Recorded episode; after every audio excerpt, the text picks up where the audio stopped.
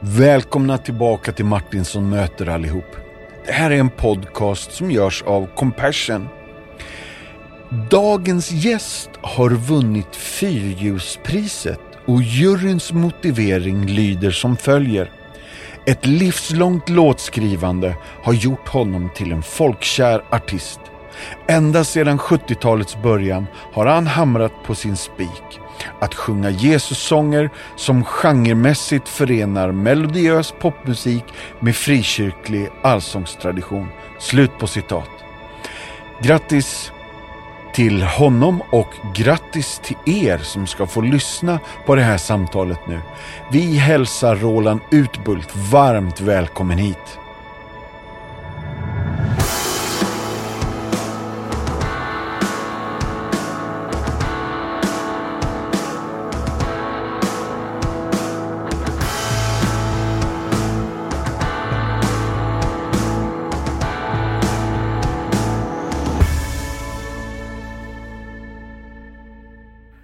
Allihopa, då är ni välkomna tillbaka till Martinsson möter. Eh, det är jag som är Martinsson och nu ska ni få möta ingen mindre än Roland Utbult. Välkommen hit. Tack så mycket. Vad kul att du är här. Ja, det känns jätteroligt att Ja. möta dig. Mm. Jag tänkte jag ska rulla igång Roland. Eh, och jag tänker att jag börjar med tio. Och jag, jag har flera gånger sagt det är tio snabba, men de är inte så snabba. Men det är i alla fall tio frågor. Eh, är du beredd? Ja, då. Om du kunde välja att göra vad som helst, vart som helst, ett helt dygn, vart skulle vi då hitta dig? vart som helst i världen eller i rymden? jag tror att jag skulle eh, hitta mig i uh, Faraday i Louisiana i USA. Yeah! Vad finns det där? Där föddes en person som hade stor eh, betydelse för mig när jag började spela piano och när jag började intressera mig för musik. Oj, oj, oj. Och han lever fortfarande och är väldigt, väldigt gammal. Den enda som är kvar av eh, Million Dollar Quartet, där ingick ju Elvis Presley, Carl Perkins och Johnny Cash. Och den här mannen då, som föddes där i Faraday, Louisiana. Men då undrar jag, är det här Jerry Lee Lewis? Ja, det stämmer. stämmer. Är det så alltså? Ja. Ja. Jag skulle vilja liksom ta reda på lite mer om hur eh, det gick till när han började sin bana och eh, vad som hände sen. Alltså det, det finns så mycket i hans historia som är intressant. ja. Och eh, hur han hamnade lite, lite snett kanske med eh, repertoaren, vilket han har haft dåligt samvete för hela livet egentligen. Men är en fantastisk eh, pianist och eh, sångare och artist. Och diskutera pianoslitage tänker jag. Det hade varit jätte, jättekul. Ja, det tror jag. Undrar vad det var för typ av piano han spelar på. Det, det finns ju historier, jag har ju läst lite om honom. Och, men eh, ja, det fanns ju en pingstkyrka där som han växte upp i. Tillsammans med sin kusin Jimmy Swaggart och, och så här. Så att, eh, Det här är ju mer än ja, jag vet. Ja, det, Ah, coolt. det är vid Mississippifloden också. Så att det är spännande område som man skulle kunna, i ett helt dygn så skulle man kunna hinna med och, och besöka eh, den stora floden också. Vad fränt. Eh, har du någon för allmänheten dold talang? alltså, så här, spela mungiga, busvissla, eh, kan gå på lina. Om man säger, min dolda talang, som min enda talang har blivit eh, ganska uppenbar då, men, men först var den dold och sen blev den liksom lite mer känd, den här med musiken. Men det skulle nog vara att jag eh, är duktig på, eller var duktig på fotboll. Eh, jag hade till och med ett, ett smeknamn, för alla har ju olika öknamn och smeknamn ut på Öckerö och på Ja. öarna där. Ja. Men mig kallar de faktiskt för Nacka. Efter den gamla storspelaren Nacka Skoglund. Det är du. Mm, så det är väl en dold talang. Jag är inte lika snabb längre men, men en gång i tiden så, så tyckte jag om att spela fotboll. Ja, ja, ja. Du, vad roligt. Min son kallar dem för pastorns pöjk faktiskt. Mm. Han lirar. Stackarn. Nej, han, han överlevde det faktiskt. Han har till och med tryckt t-shirtar där det står. Okej. Mm. Men du, vad var det värsta sommarjobbet som du någonsin har haft? Ja, det var ju när jag jobbade i renhållningen på Öckerö. Det är så? ja, det var, vi sprang upp i bergen och, och hämtade latrinkärl. eh, och uh, ut, ja, du vet, toaletterna där runt om i Öckerö kommun. Då. Det finns ju tio öar i Öckerö kommun, så Ja. på Hyppeln, Röre och där eh, gick vi ut med båt och hämtade då latrinkärl och sånt. Eh, Och då fick man upp i bergen och så här. Så att det var, det var ett riktigt slitsamt jobb och en enda gång kom jag ihåg att arbetsledaren sa att idag var du som en panter, sa han. Men det var ett enda tillfälle. Ja. Men jag slet och, så det var ganska, det hände att man tappade sånt där kärl Åh, också. jag tänkte, det, jag, ska jag våga fråga alltså? Så att eh, det var ganska lätt att svara på. Du, och jag måste nu säga, jag tror att du vinner tävlingen av alla som har varit här nu och fått frågan. Det här var nog det sämsta sommarjobbet. Yes. Ja, och vi är med dig. Vi lider faktiskt lite med dig också. Den här då. Om du omedelbart skulle kunna bli en expert på något, vad skulle det vara? Ja, det skulle vara eh, coronaviruset. Du, det kan ju du redan ja. Jag kan eh, ganska lite måste jag erkänna. Ja, Eh, jag, jag vet hur det drabbar en person, det Ja. vet jag. Men liksom läkarna så, så svävar i ganska stor ovisshet om, eh, om ja, hur det påverkar människor, alltså medicinskt och, Mm. och hur länge man är immun och sådana saker.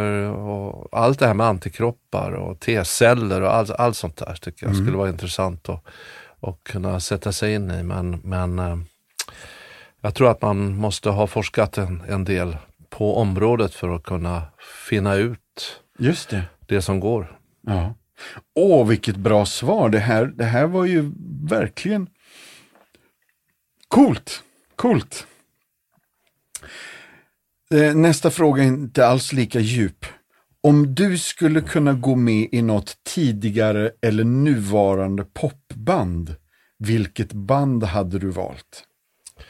Ett, jaha, tidigare eller nuvarande? Mm. Eh, det hade nog varit... Eh, då hade jag valt eh, popband, ja. Det var... Det, jag, jag tänker mycket på eh, soloartister, men eh, Ja, fast ni kan ju starta ett Traveling Wil- Wilburys. Ja, det går det. bra, det får man. ja, men då sätter jag ihop några stycken. Då skulle jag ta med Billy Joel Yeah. och Van Morrison.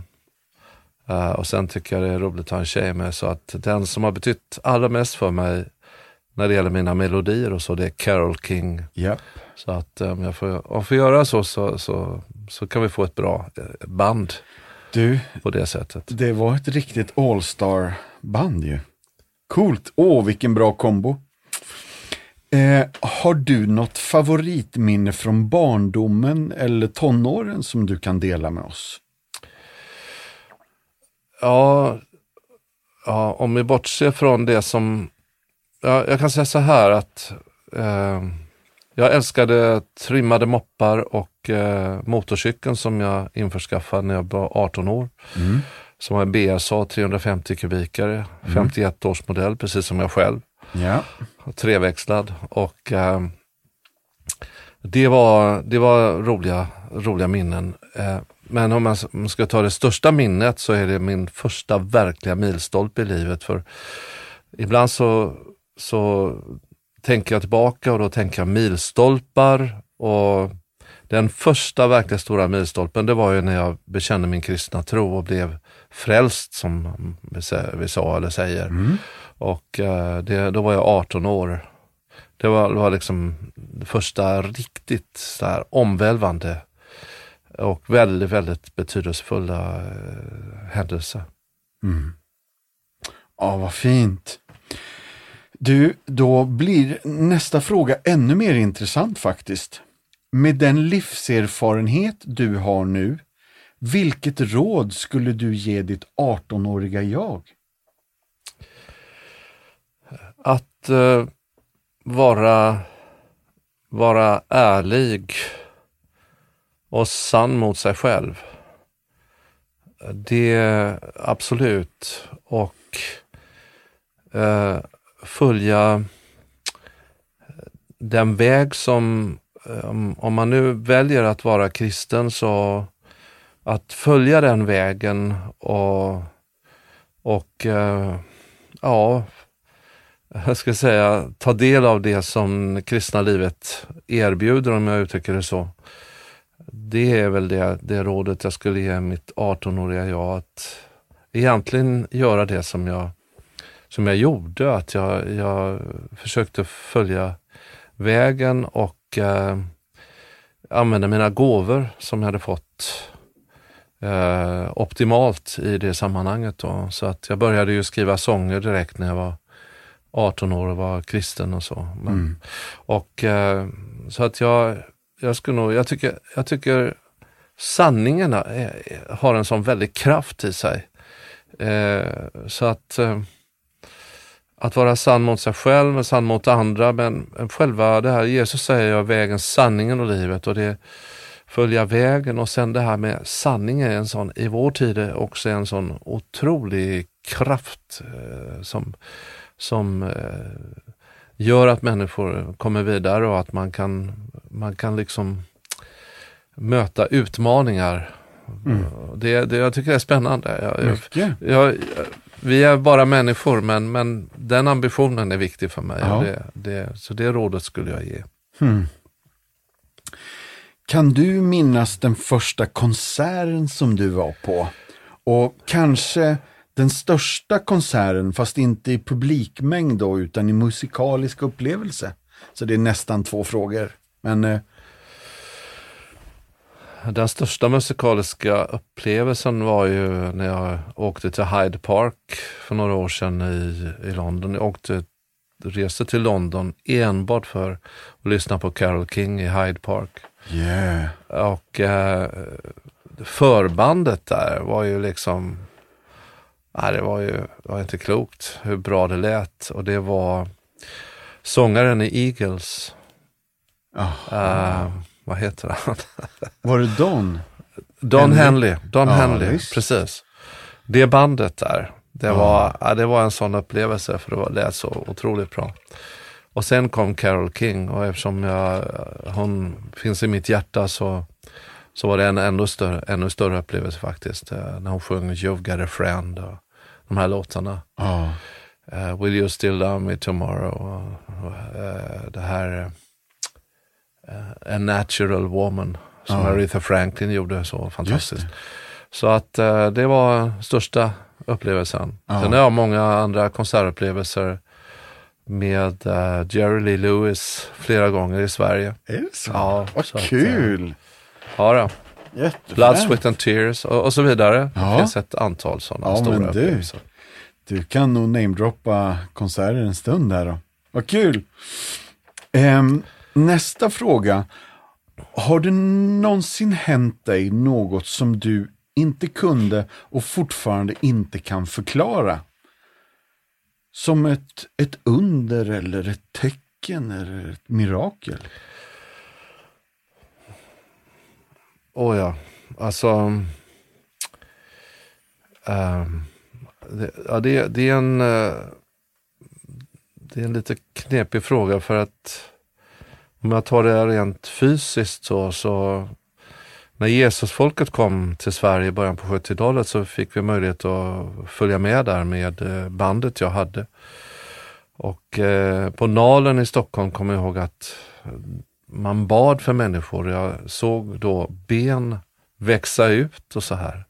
Mm. Och jag, jag var, var faktiskt lite chockad alltså. För jag, jag, man hade ju hört talas om det men nu fick man se det mm. liksom så fysiskt. Då.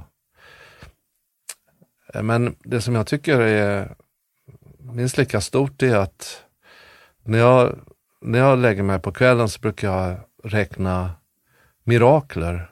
Vad som har hänt under dagen. Och eh, då tänker jag på sånt som jag inte har planerat utan som överraskar mig då.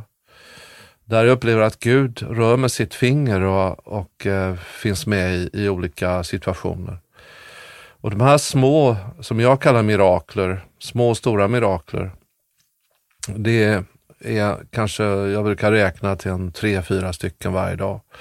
Och rekordet är tolv sådana mm. mirakler. Men det är fa fantastiskt att få göra det.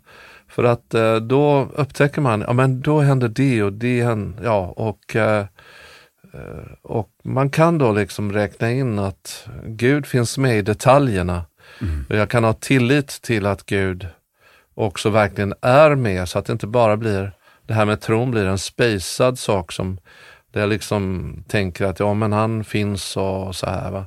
Utan det är väldigt, väldigt konkret. Mm. Åh, häftigt. Jättespännande. Roland, när jag går ut på nätet och googlar på din diskografi så är den jättelång. Alltså. Vad med plattor du har gjort? Ja visst, det stämmer. Eh, Man blir, ja.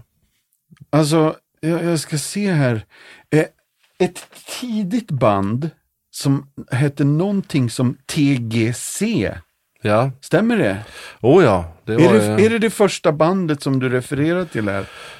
Det är första bandet uh, som vi startade när jag blev frälst. Mm. Och uh, ja, just det. jag har en bild på telefonen här Roland. Är det, är det TGC det här? Det är TGC, det stämmer och uh, ja, det är, det är fascinerande. Jag, när jag blev frälst så eh, jag lev, levde ju med det här med musiken mm. och uh, startade ett band som vi kallade TGC. Det, det var sådana här CCR och det var sådana här förkortningar man hade på den tiden. Ja. Så att uh, True Gospel Creation betyder det där, TGC. Underbar kombination. Ja, true alltså. Gospel Creation liksom. Ja. och uh, jag minns att jag fick tag på en bra trummis som bodde på Knippla i Öckerö kommun. Ja. Som heter Danne Gansmo. Ja. Uh, fick tag på Lasse, som vi kallar Lasse Bass, eller Lars-Åke Larsson som spelar bas då. Jag mer eller mindre beordrade honom att börja spela bas. Så att vi behövde en basist där. Yep. Och sen så är det Anki från Hälsö som var sångerska. Hon var lite så här Janis Joplin typ så. Jätte, ah. Hon sjöng också den där Lord won't you buy me a Mercedes Benz. Mm. Uh, sen är Bosse Lindqvist med här ser jag också från Floda, Grobo Floda. Mm. Jätteduktig uh, pianist och sångare.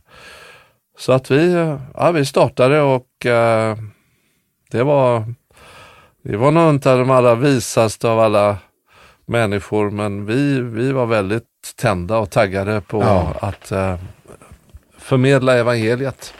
Och eh, det som var lite spännande där, vi pratar om att jag har gjort många skivor och sådär, så, så var det ju så helt enkelt att eh, vi hade en tre, fyra låtar bara som vi spelade.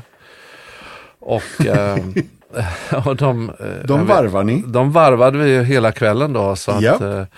Och jag minns att vi, vi fick väl inte så många spelningar i kyrkor så i början. Jag vet vi var i Philadelphia kyrkan på Öckerö ja. någon gång och sen tog det ganska lång tid när vi fick komma dit igen. Då.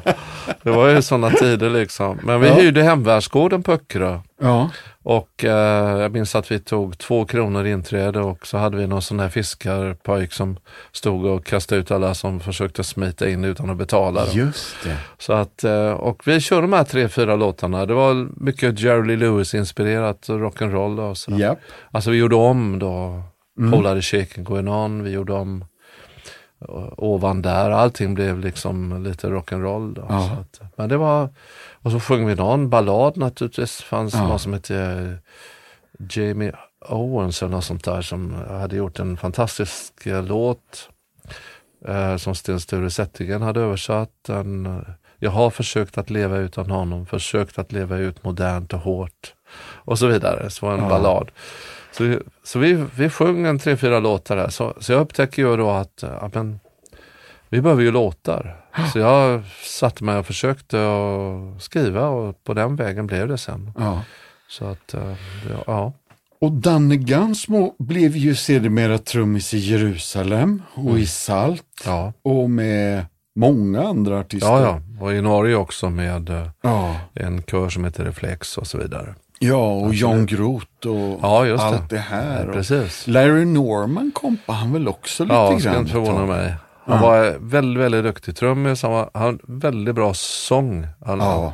la andra stämma väldigt högt och så. Ja, Och sen var han, spelade munspel alldeles Ja. eh, underbart. Ja, så det var, han hade- var en väldigt, väldigt begåvad kille. mm. Och eh, avled tyvärr i, jag tror det var Alzheimer. alldeles för tidigt. Ja, alldeles för tidigt.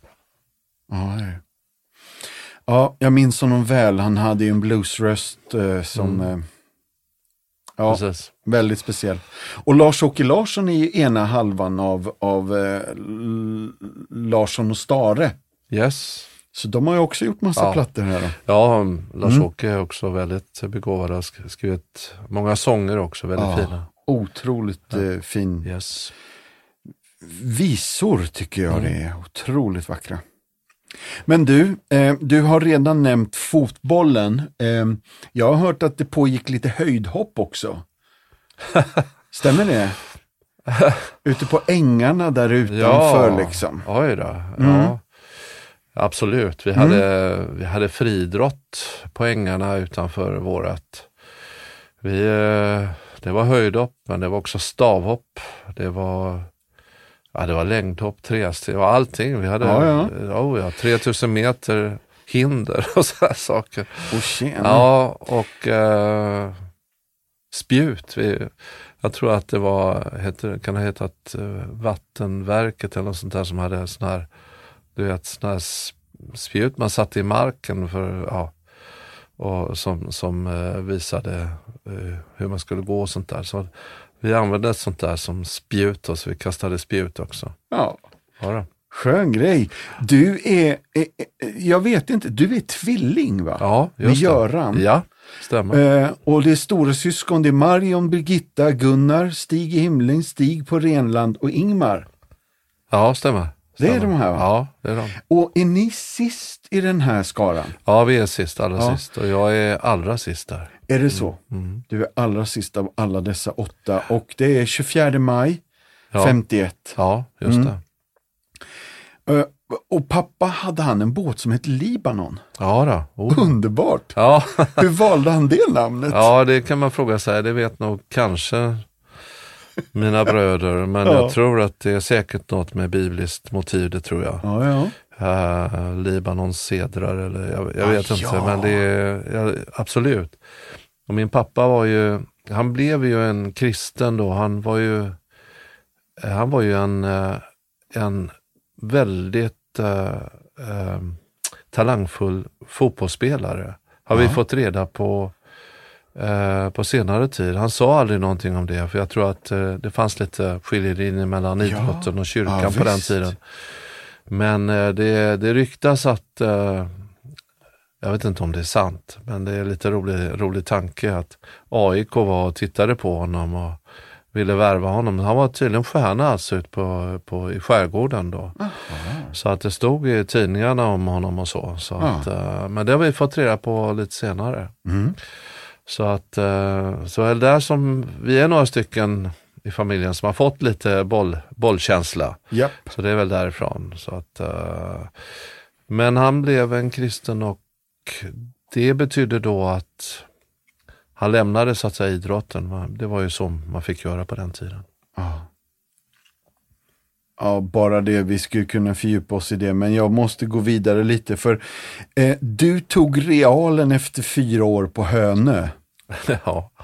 och det. sen eh, började du som lastare på SAS. ja, Var det så? ja, Ja. det gjorde jag. Eh, stämmer det här då? Din, eh, och anledningen till att jag kan detta Roland Ja, är, är det nog var mer, alltså- otroligt att du har Ja. researchat så. men du, ja, grejen är ju, jag bor ju eh, 20 meter från ditt föräldrahem. Okej. Det är ju så, jag bor ju granne med Ingmar Utbult. Ja, ja, ja. Eh, I Nancy Högvalls hus. Okej. Ja, så nu vet alla Ja, vart ja, jag ja. bor. Men i alla fall, din, jag ska se om det här är sant, din första Citroën, hur satt man och styrde den? Ja, det är lite märkligt med historien för att de ändras med tiden lite. Det är en sån här muntlig tradition liksom. Ja, Så att för det första så var det ingen Citroën utan det var min bror som hade en Citroën. okej. Jag hade en DKV. DKV. Ja. Jag skriver, jag skriver eh, om här. och man, eh, jag förstår vad du är ute efter. Japp. Eh, det var inte så att man, den, när man körde, det, det fanns alltså en drickback som man satt på. Yes. Men det var inte när man körde som man gjorde det utan det var passageraren bredvid som satt på ja, drickbacken. förstås. då. Mycket, Så att, mycket, men det var det är en bra story. mycket lugnare. Du, det är fortfarande en väldigt bra story, Roland. Så man satt på en drickaback när man fick uh, skjuts av dig. Ja. Underbart. Visst är det värt att leva Walking Up to Jesus. Var det eh, första singeln? Ja, det var ju två olika singlar det. Så att, ehm, eh, vilken ordning de nu kom. Jag tror den här första Walking Up to Jesus var den första singeln och sen kom den här Visst är det värt att leva. Det var olika trevande försök att komma igång på skivmarknaden om man säger så. Ja. Tyckte det var väldigt spännande. Vi spelade in i Bosse Winbergs studio, alltså Spotniks studio i, i Göteborg. Ah, ja. Och det, han var ju jätteinspirerande att träffa och sådär. Och eh, ja, vi tyckte det var, det var roligt. Det var, ja, det var sån här, liksom, du vet i, i början av av karriären om man säger så, så gör man trevande försök. Och sen är det inte alls säkert att det blir något av det. Det kunde ju stannat där alltihopa egentligen. Med de här två singlarna. Ja. Så det som händer är ju att jag det visste jag, jag tror du kände till den storyn också för att det var så att min tvillingbror Göran fick se en annons i Göteborgs-Posten Mm. där det stod att eh, man sökte en musiklärare i Uddevalla. Och, eh, och då så, när vi pratade om det hemma så sa min mor då att uh, aldrig i livet, han ska inte flytta från Öckerö, sa hon. Nej. hon. Men min pappa sa på sitt typiska vis, han kan la försöka, sa han. Ja. Så att jag åkte upp till Uddevalla och eh, fick jobb som musiklärare. Och därmed så, så, att säga, så blev det lite problem med att hålla ihop bandet naturligtvis. Vi Ja. fortsatte men, men eh, så gifte jag mig också 73 då med Marianne och eh, som jag var gift med i 42 år. Just det. Och eh, vi tänkte väl att ett, ett lärarjobb, det är ungefär vad som väntar. Så jag utbildade mig och, och blev eh, utbildad lärare i historia och musik. Mm. Men innan jag var färdig med det så hade jag ju fått ett skivkontrakt. Och det liksom förändrade ju vårt, vårt liv egentligen. Så att eh, det var ju, man kan säga det var resultatet av det här med TGC, True det. Gospel Creation. Mm. eh, som jag fick det här kontraktet och så spelade jag in eh, 10-12 låtar. Eh, och det small till bara Mm. och gick jättebra. Och, och sen har jag varit i den här musikbranschen sedan dess. Det var Just det. 1975 Ja. som den skivan kom ut. Och är det, heter den Solklart eller? Nej, det var den nästa skivan som Ja. hette Såklart. Den första Ja. hette bara, det var bara mitt namn då. Ja. Och där fanns ju sådana här låtar som vi hade sjungit i TGC. De här som jag började lite trevande att skriva då. Mm. Så att eh, de följer som mogna frukter där. Halleluja, det är skönt att vara Jesu vän. Och Mm. Jag kan ej tvivla, sån här som börjar fåglarna sjunger till hans ära, blommorna doftar till hans välbehag. Jag hör havet som brusar, vinden som susar, i blomstrande fägring i sommartid. Och den där finns en del som tycker att det är den bästa låten jag har gjort. Mm. Men jag har gjort 300 sånger då, Ja. eller 300 låtar, Mm. vad man nu vill kalla det. Mm. Och att den första skulle vara den bästa, det är ju lite Mm. nedslående om man säger. Ja. För att eh, Man vill ju Det- ha lite utveckling på det. Ja, och du, det får vi verkligen säga, det är en gedigen lista över tid alltså. Verkligen, otroligt fint. Men du, eh, eh, stämmer det att du träffar Marianne på en Janne Sparring-spelning i Uddevalla? Jag är helt fascinerad över de här historierna. Mm. Och eh, vi hade, jag ska inte dra hur det gick till, men vi fick upp ö- ögonen för varann i alla fall.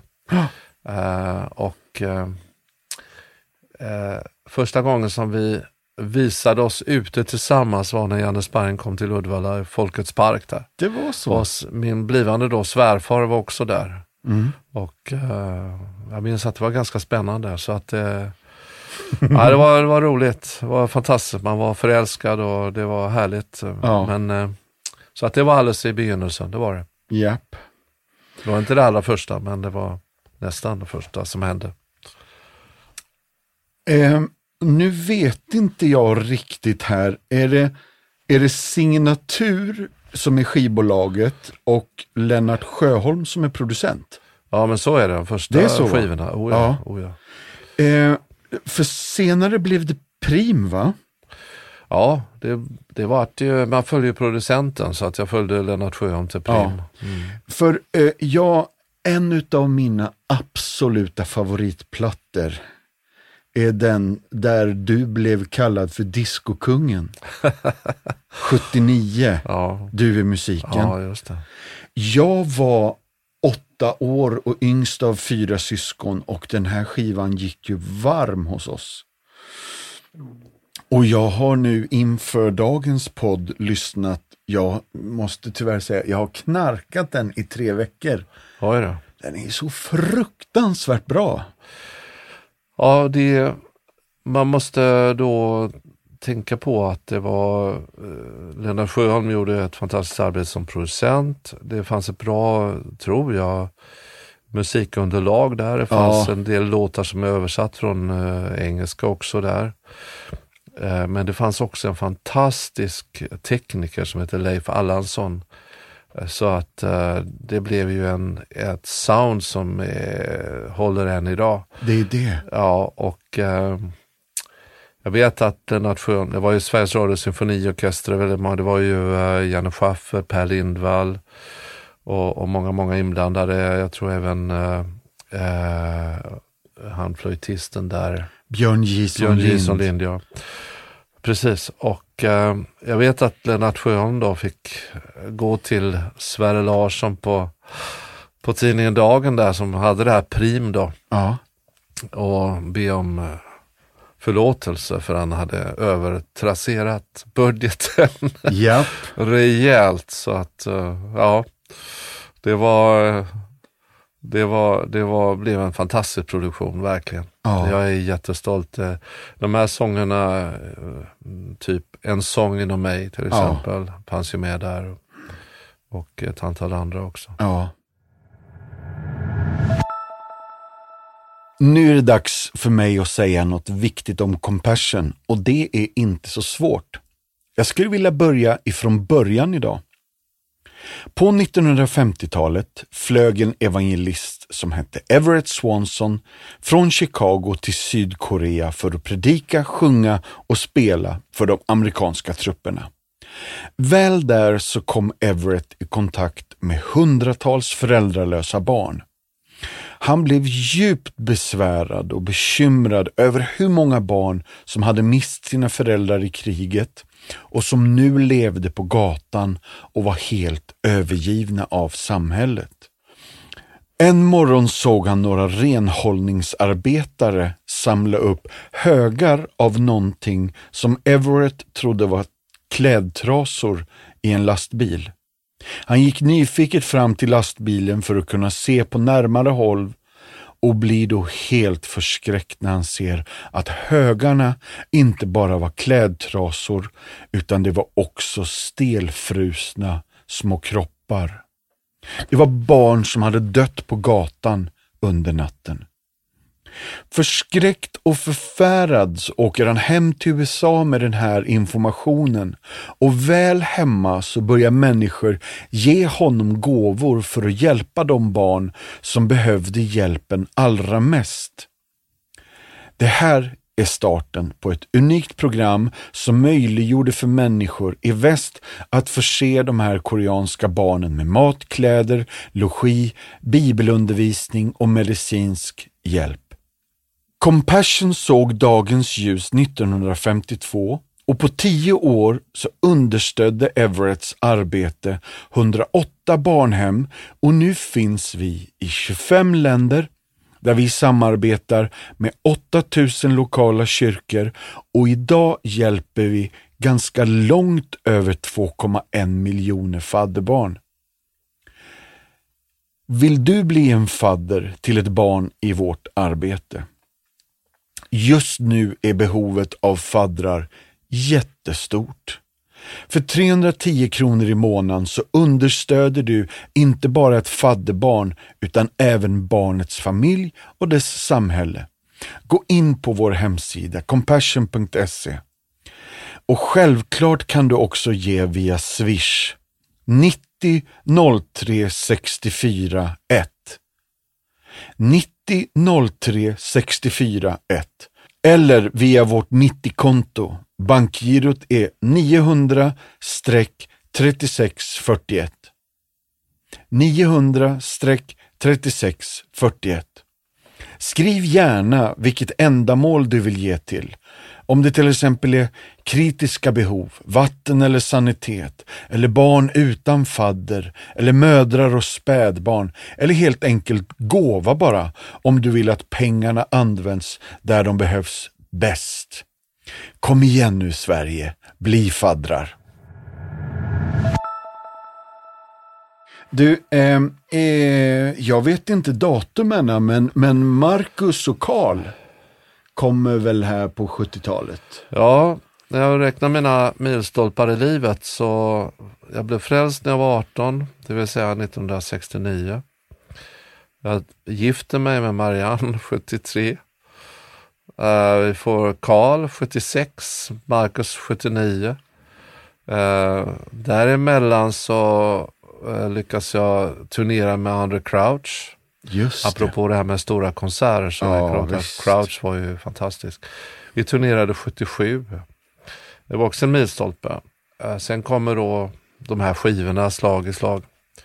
Så att, uh, men uh, Karl 76 och Marcus 79. Det Mm. var våra två söner.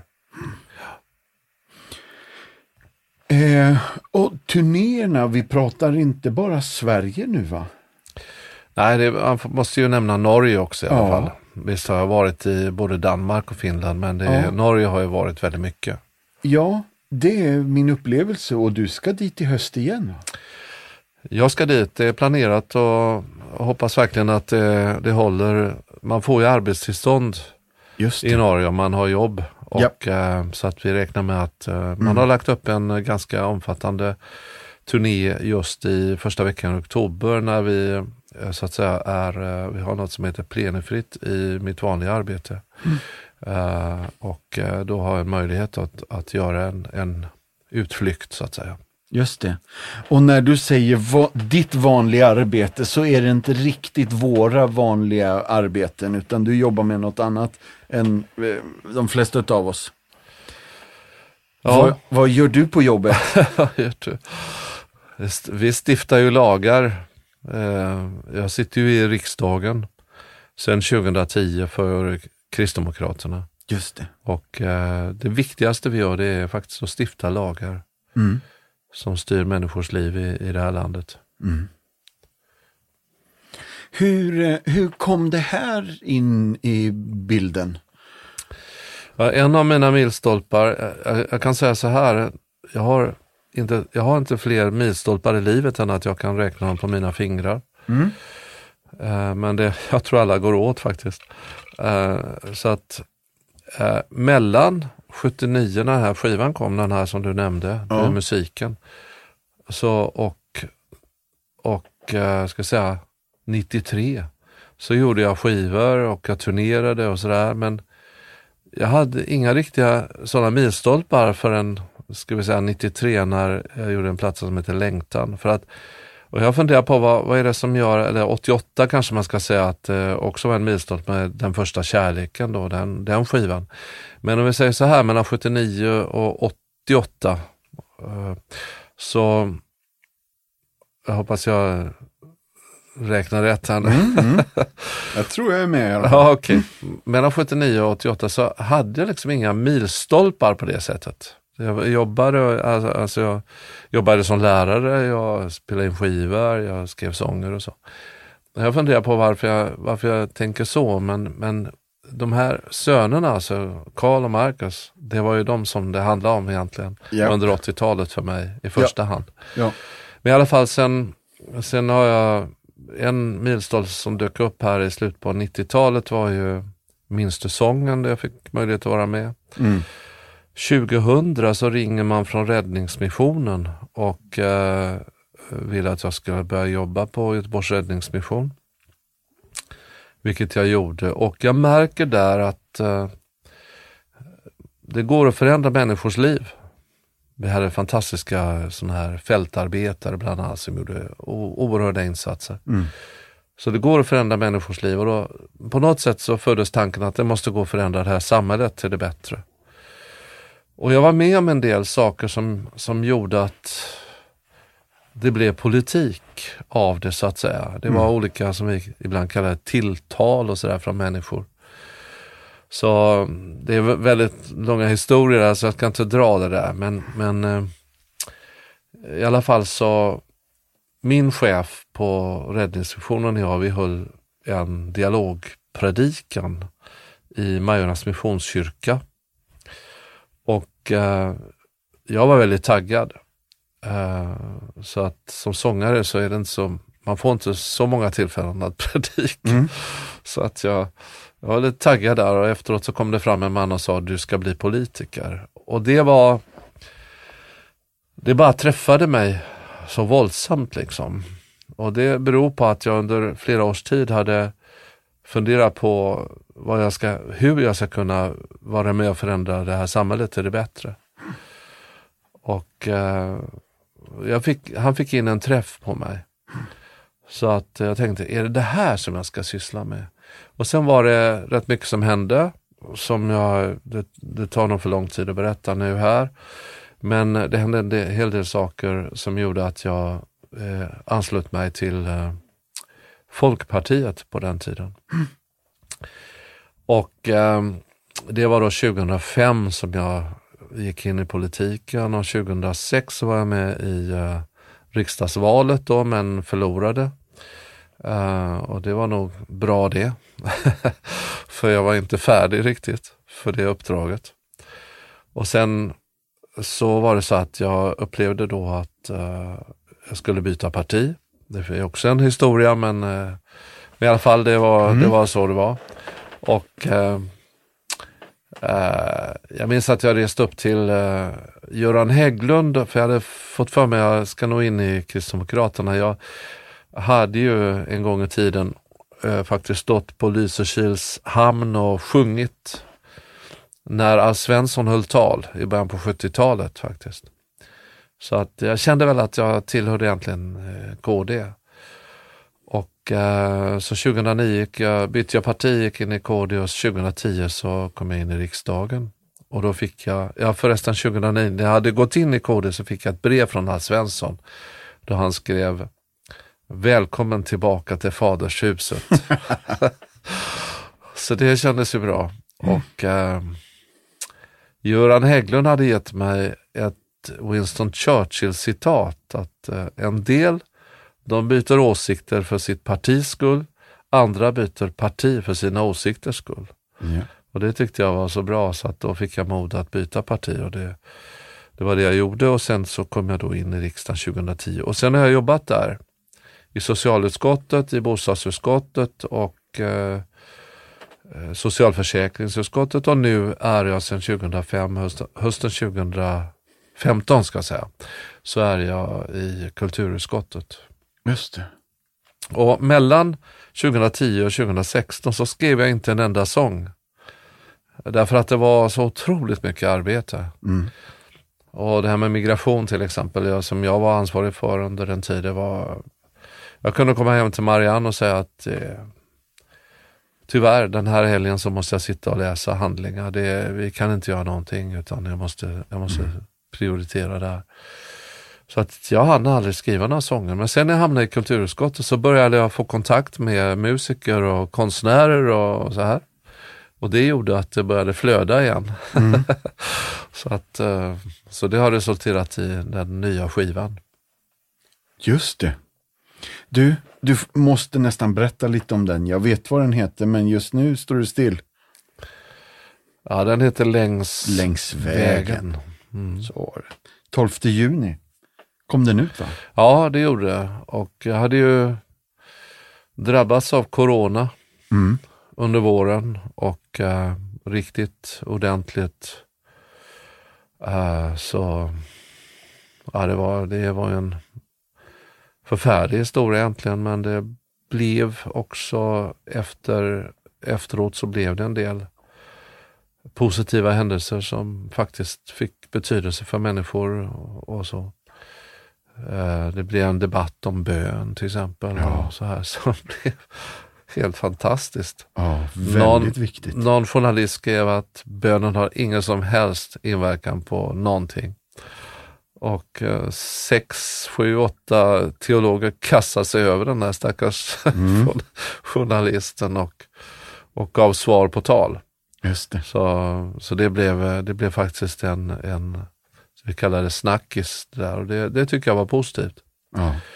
Så, men eh, två, för två år sedan så åkte Karl och jag till Nashville, alltså min äldsta son, och jag och spelade in tio låtar. Och sen har jag jobbat två år med texterna. Mm. När jag har haft tid, jag har haft det här jobbet att sköta naturligtvis, men, men jag har eh, jobbat med texterna då i eh, jag har rest bort någon helg och sådär och eh, varit för mig själv. Ja. Vi, vi, eh, min fru och jag bor ju på Lidingö också och Öckerö. Mm. Så att eh, då kunde jag resa till Öckerö och sitta där kanske själv en helg. Mm. Bara jobba med formuleringar och ord och så. Just det. Jag fick låna en kyrka där, Berga kyrka i Åkersberga i Stockholm. En helg satt där och Mm. skrev en sång som heter Barn av saligheten. Ah, Så att, eh, väldigt vacker låt. ja tack. Det var väl Cole Porter, pianisten, som sa att musiken är inspiration och texten är transpiration. Japp. Jag tycker att det ligger en hel del i det faktiskt. Ja, jag är helt med dig. Mm. Det finns en låt på plattan som heter I Jesu armar. Kan Ja. inte du bara berätta lite om den? Ja, alltså jag gör ju den tillsammans med Evelina Gard. Som jag tycker är en eh, väldigt bra sångerska. Mm. Ehm, alltså, när man skriver en, en sång, så för mig börjar det med melodin. Så därför kunde vi resa till Nashville och spela in den här melodin då. Då sjunger jag på någon slags konstig engelska, ja det vågar jag väl kanske inte göra inför amerikanerna, men när jag skriver melodin eller får melodin, så då, eh, då brukar jag använda någon konstig engelska som inte betyder någonting, bara för att det ska låta bra så att säga. Mm. Och jag minns så väl, jag satt hemma i Uddevalla bodde jag då. Och Marianne, eh, jag minns hon satt i soffan och jag satt vid, eh, vi har en sån här digital flygel.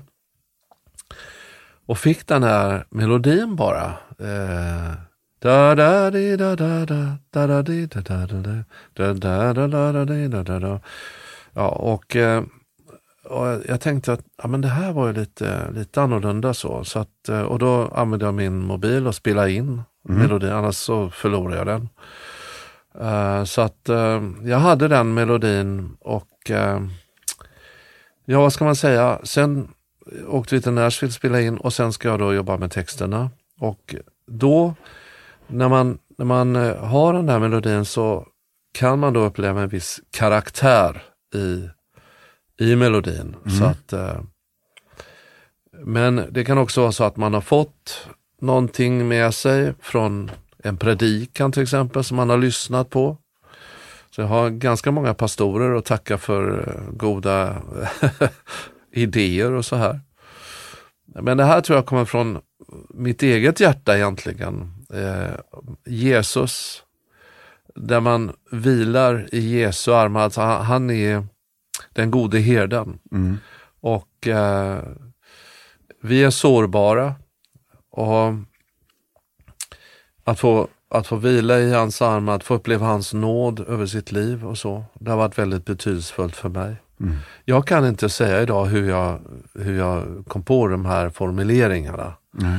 För hade jag satt mig idag så hade jag troligen kommit på något helt annat. Så, så man måste ta det i den situation man sitter, när man sitter där vid pianot. Och, Just det. men sen börjar ju en resa eh, där de här texterna växer fram så att det första för, försöken kommer ju att ändras till någonting annat. Då. Men man kanske använder det här refrängen I Jesu armar finns vila, i hans närhet finns nåd. Alltså det, det där låter ju väldigt enkelt men det, det har också tagit en del tid att formulera det. Mm.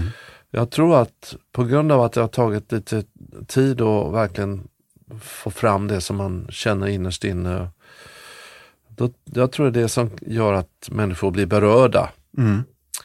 Eh, För det är inte att man smäller ihop någonting, det verkligen inte, utan det, det, tar, det tar tid alltså. Just det. Och det, man måste låta det ta sin tid. Men på något sätt så har man väl fått någon gåva där att formulera då eh, sina tankar. Och, Mm. och, och sen får man inte vara för rädd för att jag sjunger Han läker själsliga sår. Mm.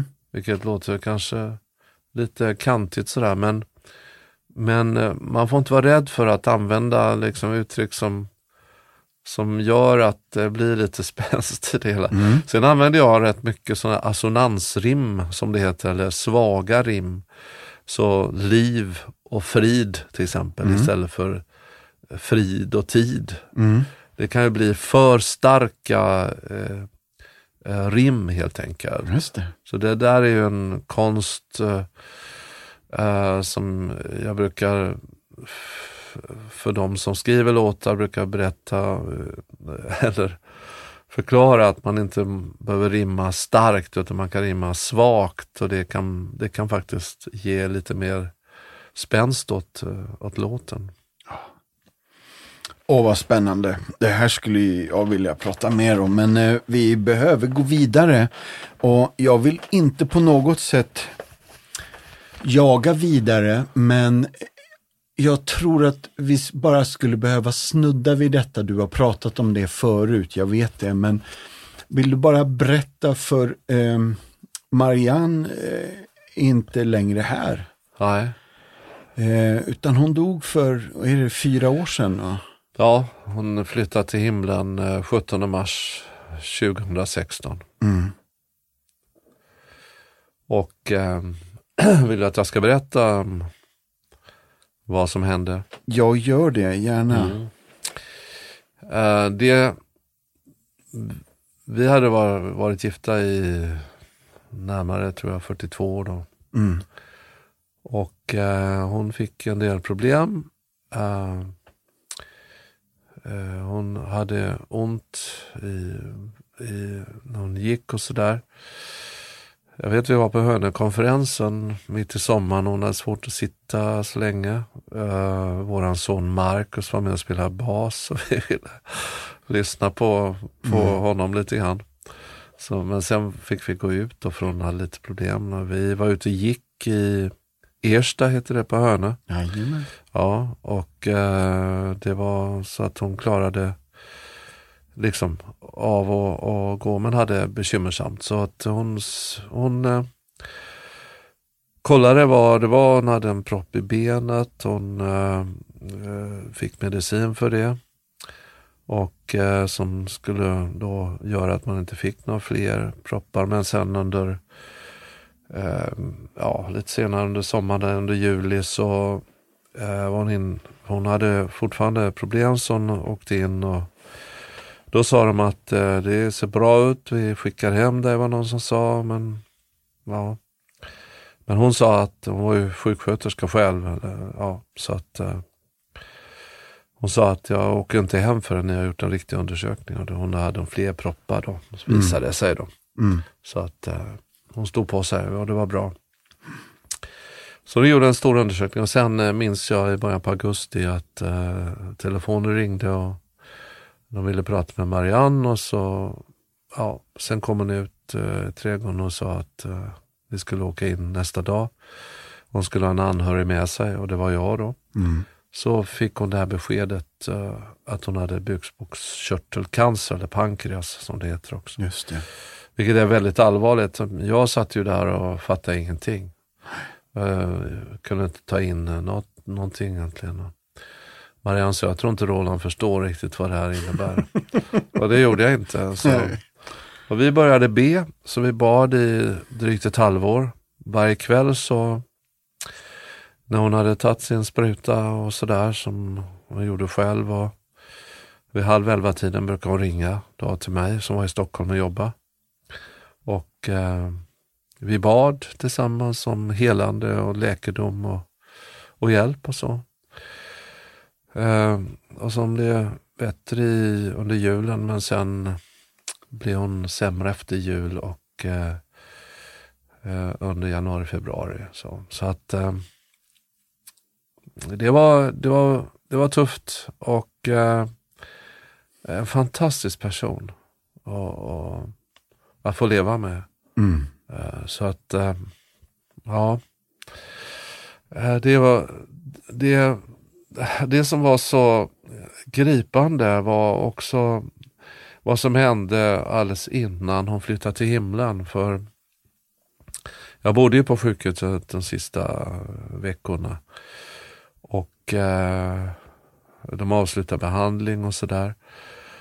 Och eh, så hör min sonhustru av sig. Eh, hon kommer från Holland och eh, Eh, hon kommer från eh, katolska områden nere i något som heter Limburg i Holland. Hon, hon skrev ett sms som eh, överraskade mig som var fantastiskt. Och nu blir jag lite rörd här men, men hon skrev ungefär att du kanske ska börja sjunga sånger om himlen så blir det lättare för Marianne att liksom, ja, gå över på andra sidan. så. Mm. Och då hämtade Marcus gitarren, kommer jag ihåg, som fanns där på, på den här palliativa avdelningen. Mm. Och eh, i Uddevalla. Och eh, vi satte igång och sjöng sånger om himlen. Och det finns ett antal i, sal, i psalmboken. Ja. Eh, och vi sjöng och sjöng och sjöng och sjöng. Och eh, upplevde en fantastisk atmosfär av det där. Så att eh,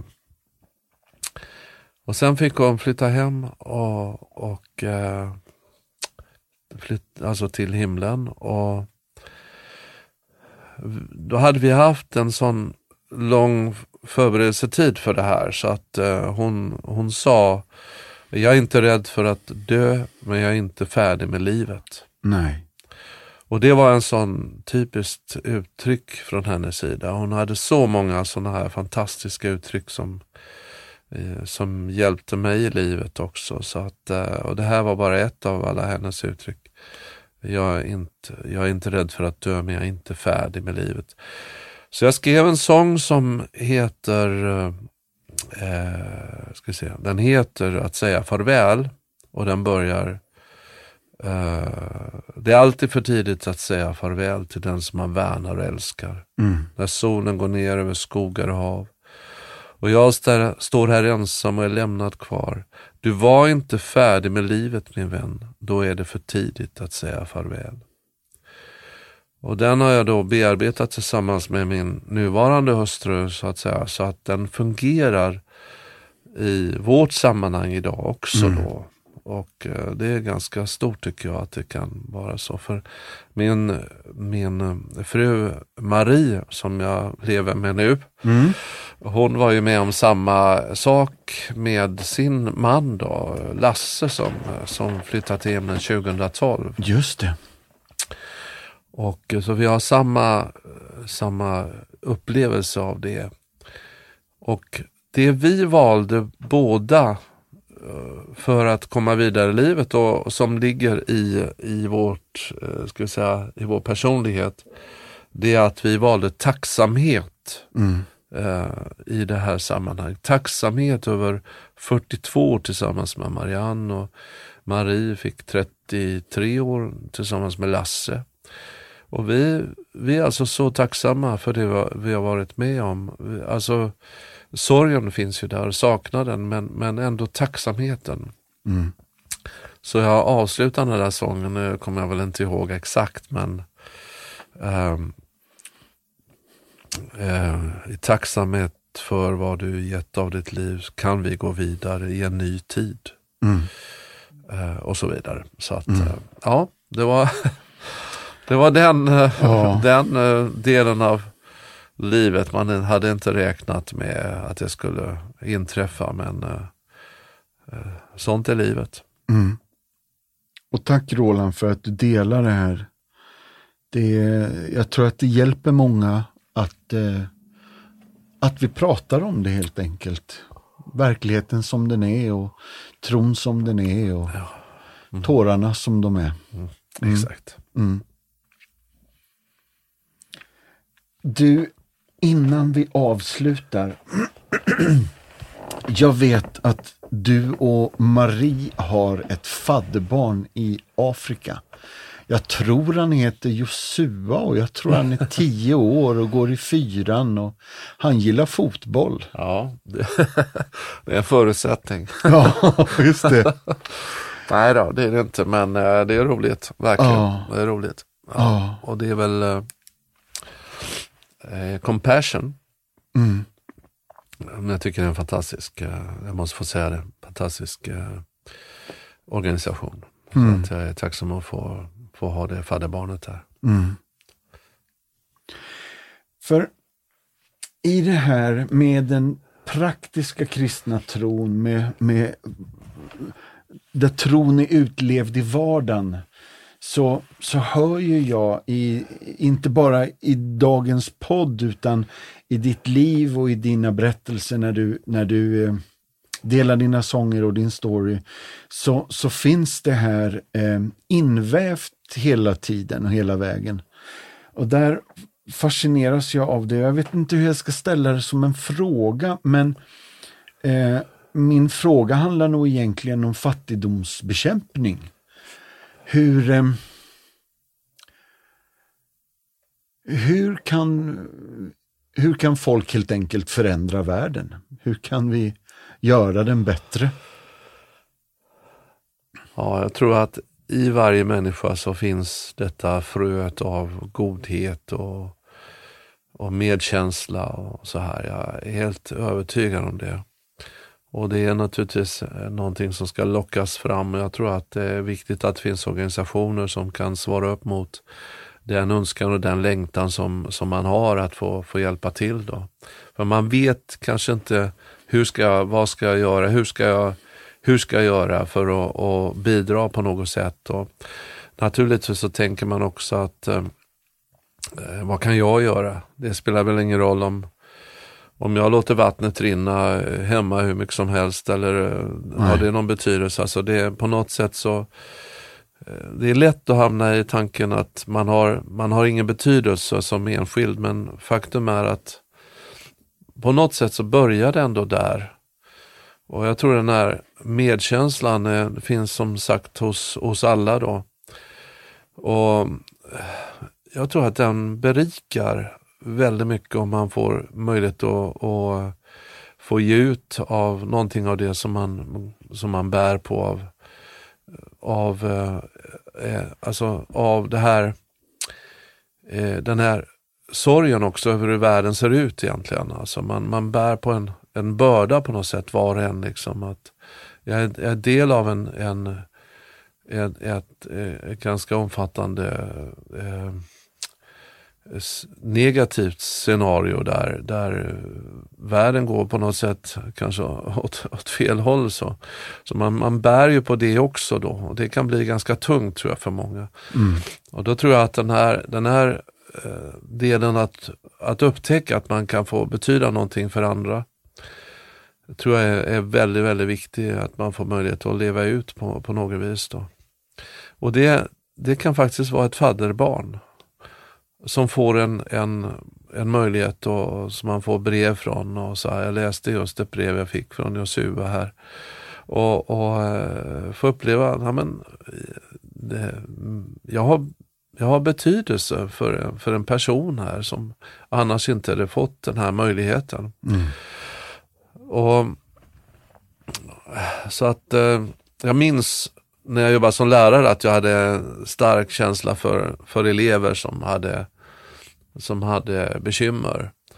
Och det har jag följt med mig sedan jag kom till räddningsmissionen också, att känna att uh, en, en, inte, inte prata om stackare eller sådär. Utan, mm. eller, och jag har lite svårt för det här med lilla människan och sånt där, för jag tycker det här är stora, stora människor, de här som starka individer som överlever i en trasig värld, alltså, där, där livet har gått uh, fel av olika orsaker. Då. Så att eh, jag, jag upplever en stark känsla av, av ja, en stark medkänsla. Och jag tror att vi bär på den allesammans. Och jag tycker det är så härligt att det finns organisationer också som mm. då kan svara upp mot uh, min önskan och min längtan att få, få betyda något mm. för någon annan. Ja, och jag, eh, nu höll jag på att säga amen bara. ja. Gött.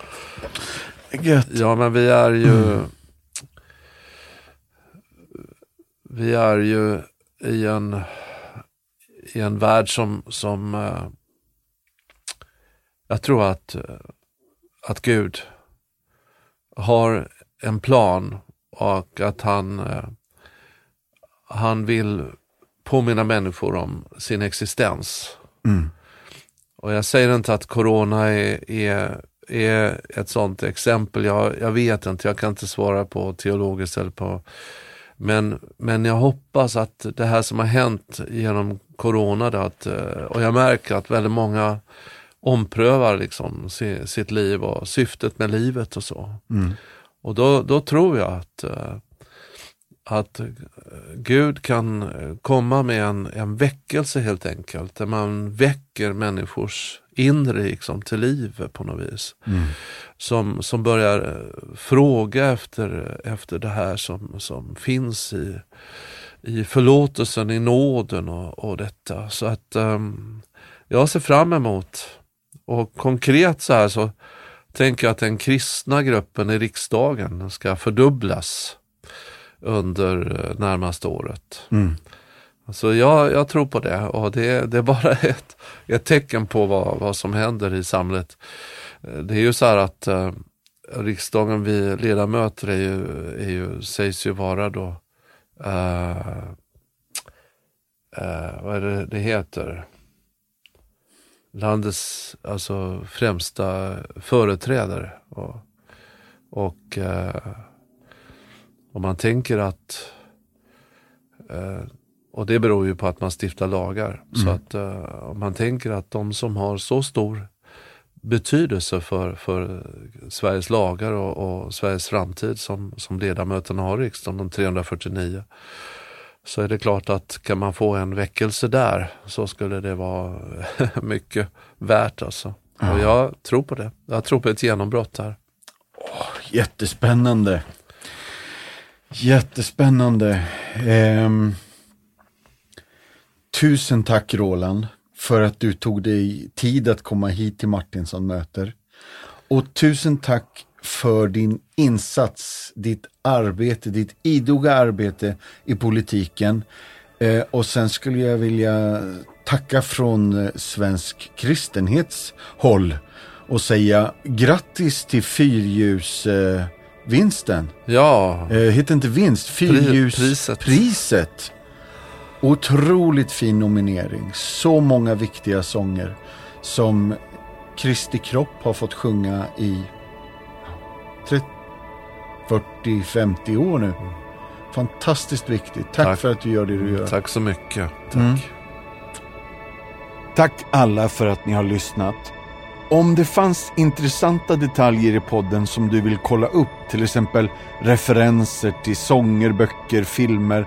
Alla de grejerna finns helt enkelt på compassion.se.